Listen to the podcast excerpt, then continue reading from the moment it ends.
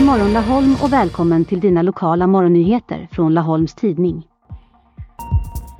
En bilägare från Våxtorp blev av med katalysatorn på sin bil när han var på besök i Laholm. Stölden skedde nattetid. Mannen parkerade sin bil på Tulpanvägen vid halv tio-tiden på måndagskvällen. När han skulle köra från platsen morgonen efter lät bilen mycket. När han kollade under bilen såg bilägaren att katalysatorn var borta. En typ av stöld som tyvärr kommit att bli mycket vanlig under senare år. Långa handläggningstider har gjort att Laholms kommun har tappat 1,3 miljoner kronor i bygglovsintäkter.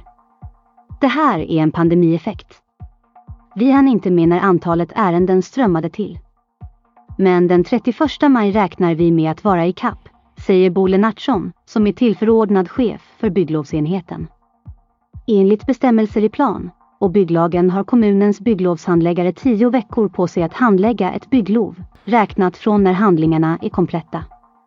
Enligt de bestämmelser som finns reduceras avgiften med 20 procent för varje vecka som tiden överskrids.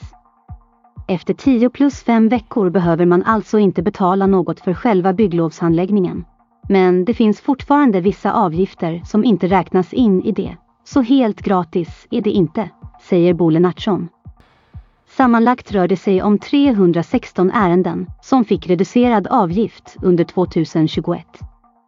Av dem var 177 bygglovsärenden och 139 var anmälningsärenden, till exempel Attefallshus. Nyligen tog Laholms FK in Meja Staffansson från BK Astrio. Nu ansluter ytterligare ett nyförvärv då Alma Åkerborg lämnar Ängelholms FF för LFK. 20-åringen har tränat med LFK sedan försäsongen och nu har en övergång genomförts. Tränare Åberg beskriver Alma som en snabb, djupledsgående spelare som kan spela på flera olika positioner. Han ser henne främst som forward. Hon har bra teknik och är rätt orädd. Alma är ganska lik Elin Olsson i sin spelstil, säger Åberg. Just Elin Olsson lämnar LFK för arbete utomlands till sommaren. Därför passar det bra att få in en liknande spelartyp i truppen.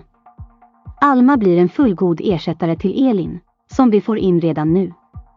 Vi har sju matcher kvar till sommaruppehållet. Så det finns mycket att spela om.